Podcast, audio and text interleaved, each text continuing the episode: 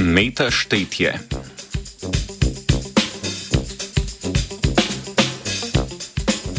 Štetje zaporedja signalov je v osnovi postopek, ki ga je mogoče izvesti v preprostih elektronskih ali nevronskih omrežjih. Čeprav se sposobnost štetja običajno ne povezuje z materijali, lahko pri nekaterih kompleksnih materijalih, od zmečkanih listov do amorfnih snovi, opazimo neke vrste spomin. Pri takih snoveh je stanje odvisno od zgodovine vhodnih signalov. Nizozemska raziskovalna skupina je raziskala metamaterial, zasnovan iz gume, ki lahko šteje signale in si zapomni, v kakšnem vrstnem redu je bil stisnjen. Izsledke so objavili v reviji Physical Review Letters.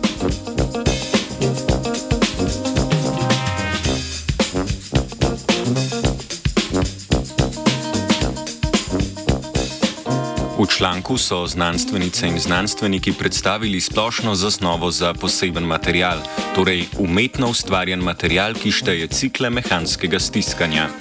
Osnovna enota metamaterijala je tako imenovan spominski tram, ki je upognjen bodi si v levo ali v desno. To lahko predstavimo z binarno vrednostjo nič ali ena. Enote so zasnovali tako, da pri cikličnem stiskanju vsaka enota v stanju 1 kopira to stanje v svojo desno sosedo, kar privede do mehanskega vala. Zato se kolektivno stanje razvija kot v celičnem avtomatu s ponavljajočim se cikličnim stiskanjem s preprostimi, predvidljivimi potmi.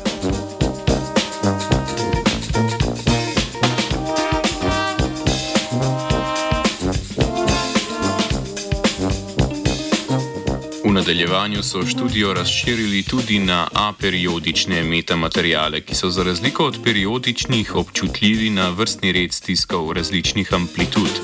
Tak metamaterial deluje kot ključavnica, ki jo odklene končno stanje, od katerega pridemo s pravilnim zaporedjem in močjo stiskov.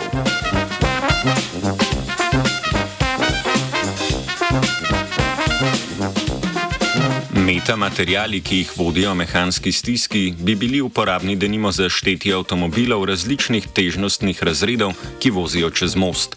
Ali pa števec korakov, saj lahko metamaterial poljubne velikosti, njegova prednost pa je, da so take snovi poceni, robustne in nezahtevne za vzdrževanje.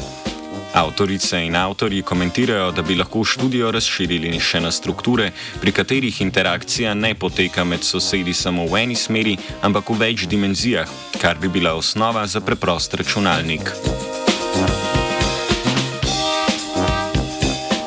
Malo boljši spomin od metamaterialov ima Tina.